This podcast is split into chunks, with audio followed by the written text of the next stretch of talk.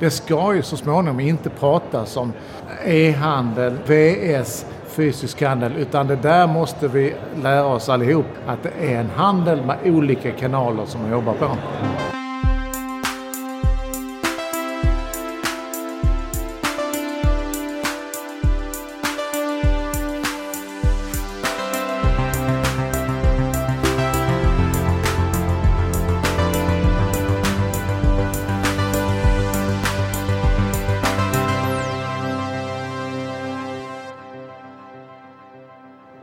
Sådär.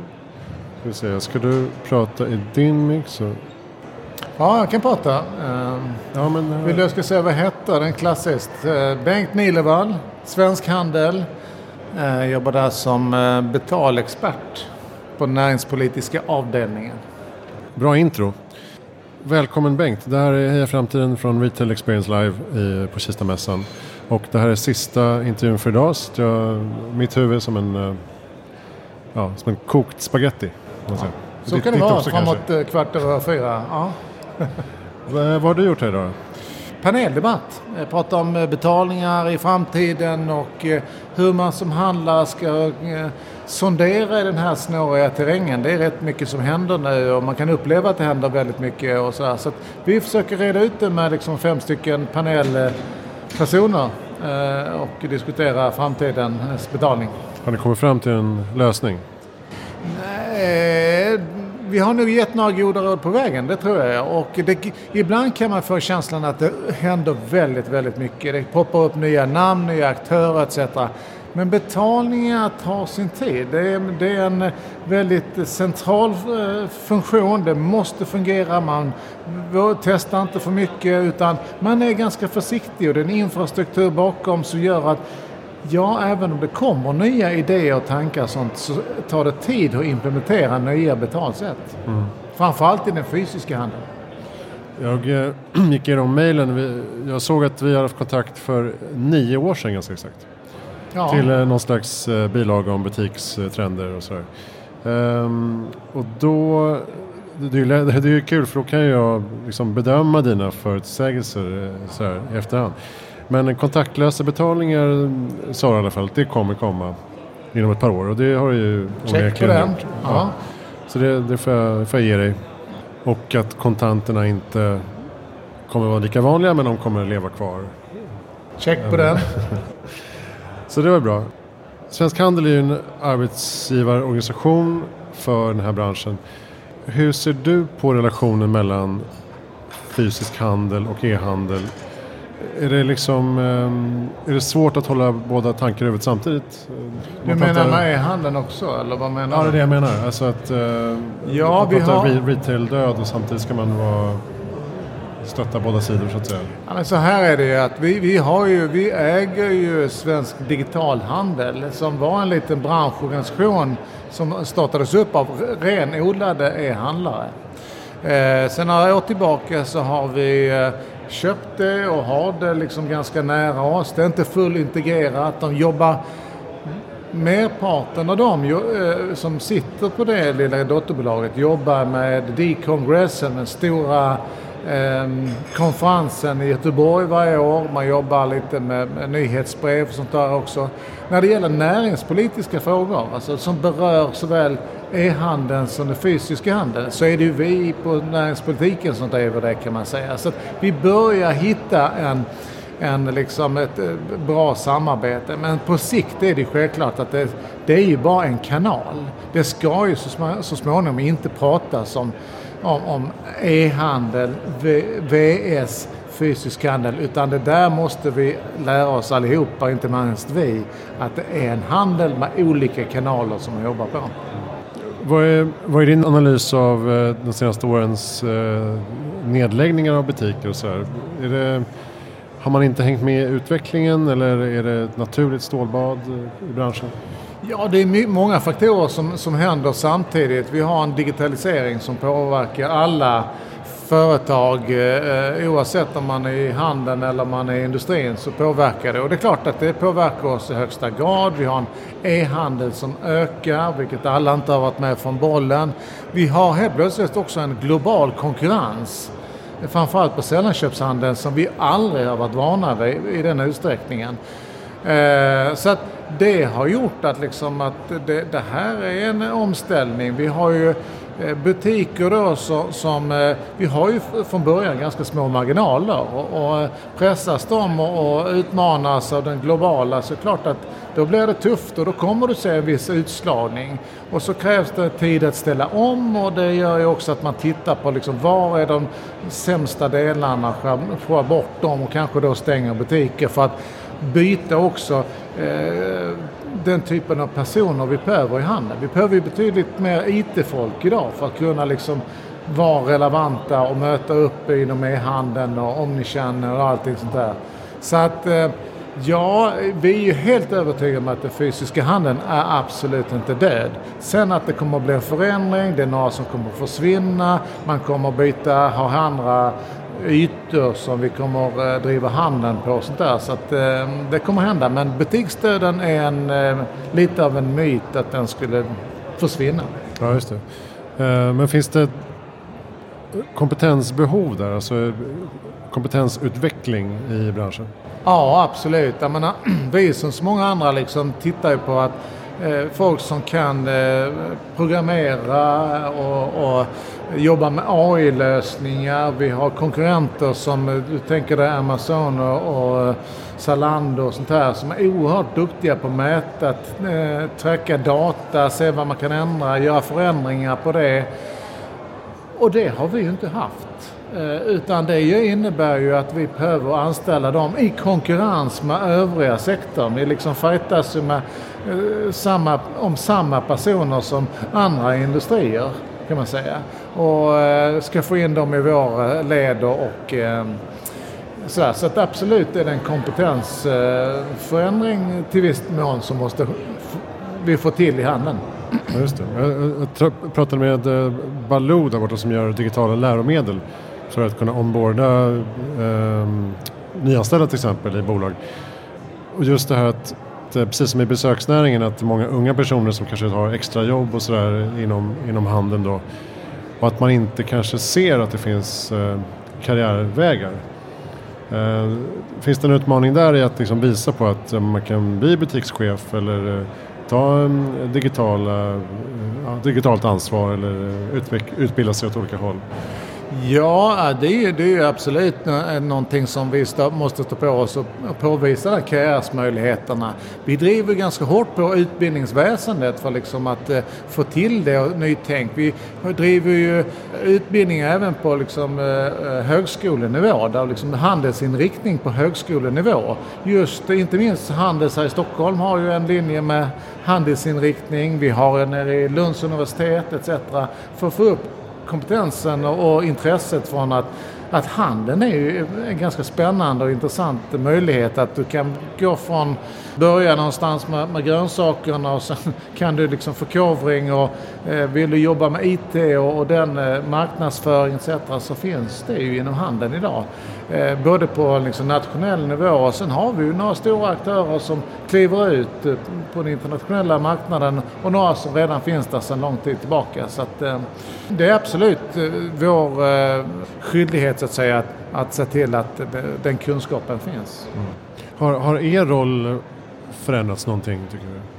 Ja, man kan säga, men jag, jag som representerar den näringspolitiska avdelningen kan man säga att det har nog blivit en mer medvetenhet om att man måste eh, vara med och påverka. Ehm, vad som händer. Det kommer ju mycket från eh, Bryssel eh, och det är klart att man, om man ska få till den inre marknaden så är det i Bryssel man sätter upp de stora ramarna. Och det är klart att vi måste vara med där och förklara handelns utmaningar och handelns miljö så att man kan jacka in de här regleringarna som kommer. Eh, och den, det har nog blivit mer och mer viktigt för oss Eh, vi ser också på de stora handlarna som är ganska, börjar bli ganska medvetna om att man måste vara med och påverka våra beslutsfattare såväl inom politiken eller som andra aktörer att, att eh, förklara handelns situation och det här behöver vi hjälp med, men det här vill vi inte ha etc. Så att ja, näringspolitiken har nu ökat eh, och arbetsgivarsidan, ja, där har nog eh, det pågått. där är ju en stor del av att vi hjälper de som är arbetsgivare med personalfrågor etc. Vi driver ju också avtalsförhandlingar och än så länge finns det ju rätt mycket kollektivavtal kvar. Men det håller också på att förändras. Eh, och de nya eh, aktörerna, framförallt de som kommer från, från e-handeln, kanske inte tänker alltid att de är handlare. De är logistikaktörer eller de är eh, databolag och sånt där. Så att de behöver vi också liksom attrahera och säga att, att, att vi är en spelare för er. Ja just det, och lite eh, gigjobb också som ja, kanske inte faller under kollektivavtalen riktigt. Nej precis, alltså det är fler och fler nya startade bolag som inte kanske har de här kollektivavtalen och då blir det inte så påtagligt. Ehm, och, eh, och, och känns, eh, då kan man tänka sig fler branschorganisationer där man kan tillhöra istället där man tycker man får ut något annat. Så att eh, det är ju en, eh, en konkurrens med de andra 55 eh, organisationerna under Svenskt Näringsliv kan man säga. Ser ni något hos era medlemmar en, en skiftning mot naturligtvis hållbarhet och klimattänk och sådär men jag tänker att de yngre konsumenterna är mer medvetna och krävande i sin konsumtion och sin liksom, relation med varumärkena. Absolut, alltså hållbarhetsfrågor har ju jackats upp eh, år från år hos oss. Och drivet av konsumenter i stor utsträckning. Och vi ser ju att allt fler, när vi gör undersökningar så ser vi allt för, fler företag som anammar det. Att man måste jobba med hållbarhet på något sätt i sin, utifrån sin lilla eh, organisation eller sin stora organisation. Ja, men de stora drakarna som, som IKEA och Hennes Mauritz har jobbat med det jättelänge. Men eh, vi ser ju även mindre företag känner att är man inte med i den här hållbarhetssvängen så väljer, precis som du säger, väldigt mycket av de yngre bort det. För de ställer betydligt högre krav än, än, än min generation till exempel. Ja, och som eh, någon sa att eh, till och med algoritmerna kommer välja bort det så småningom. Om du inte är tillräckligt eh, hållbar.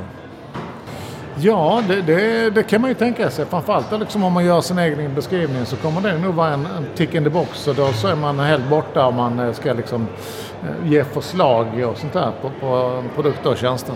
Hur ser eh, tillväxten ut på, i, inom handeln i Sverige om man räknar ihop fysisk och e-handel?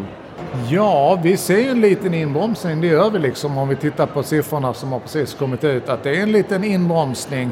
Eh, och dagligvaruhandeln går ju lite bättre. De eh, har också möjligheterna på ett annat sätt att kanske höja sina priser och sånt där. Eh, vi ser eh, sällanköpshandeln, där är ju så vi redan förra året, där är tillväxten på e-handeln, inte i den fysiska. Eh, de lever under en helt annan konkurrens från, från Eh, Eh, utländska spelare och eh, har lite tuffare. Ehm, de har lite högre marginaler men de märker ju att det mer av våra köp som vi svenskar gör görs ju till utlandet. Det ser vi ju inte på dagligvaruhandeln. Eh, de som har lite lägre marginaler men som säljer i större volymer och inte har samma konkurrens. Och ganska nyliga siffror har visat att det, det backar något i detaljhandeln som helhet där eh, sällanköpshandeln är den som viker mer än dagligvaruhandeln. Okay. Jag tänker de här internationella köpen? De internationella köpen, de har ju, alltså vad vi har sett skillnaden eh, före och efter eh, eh, momsregleringen på, på eh, Kina-paketen. Där har ju bromsats lite grann. Sen ser vi i våra mätningar att allt fler börjar bli bekväma med att handla utomlands. Eh, så att det där är ju en utmaning för oss och viktigt för oss att steppa upp. Och vi jobbar ju också hårt med att få våra svenska e-handlare att våga ta steget, att tänka globalt från början och, och, och eh, se åtminstone den inre marknaden som sin marknad ganska tidigt.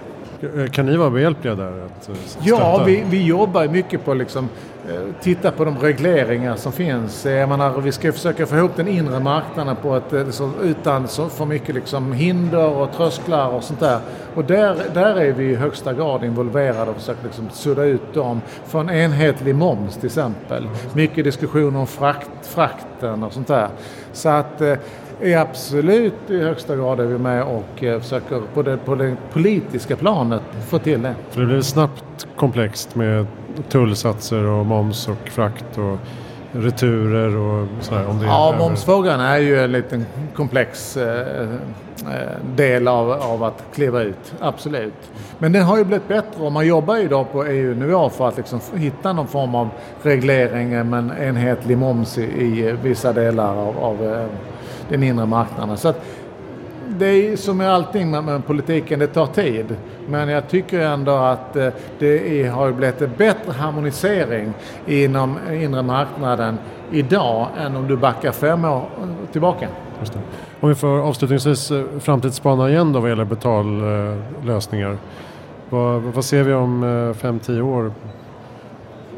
Ja, är allting det... liksom automatiserat och osynligt? Ja, lite så är det nog många som eh, ser framför sig någon form av eh, Amazon Go-möjligheter där man från handelns sida gärna skulle vilja se mm, att man eh, loggar in för att kunna veta vem du är när du kliver in i butiken och därmed kunna jobba med dig liksom in i butiken. Och sen tror jag hela den här biten med självutcheckning kommer mer och mer. Jag ser ju på sällanköpshandeln som tittar mer och mer på detta. Dagligvaruhandeln har gjort det. Vi ser att att, att väldigt många konsumenter gillar det såklart. Så att jag tror att det blir en liten Uber eh, Amazon Go-känsla när vi är där borta där du pratar om 5-10 år. Det tror jag. Bra, tack snälla Bengt Nihlevall från Svensk Handel. Tack så Du kom till Heja Framtiden. Och eh, vi kör vidare från Retail Experience Live, Kistamässan i Stockholm. Jag heter Christian von Essen. Tack för att du lyssnar.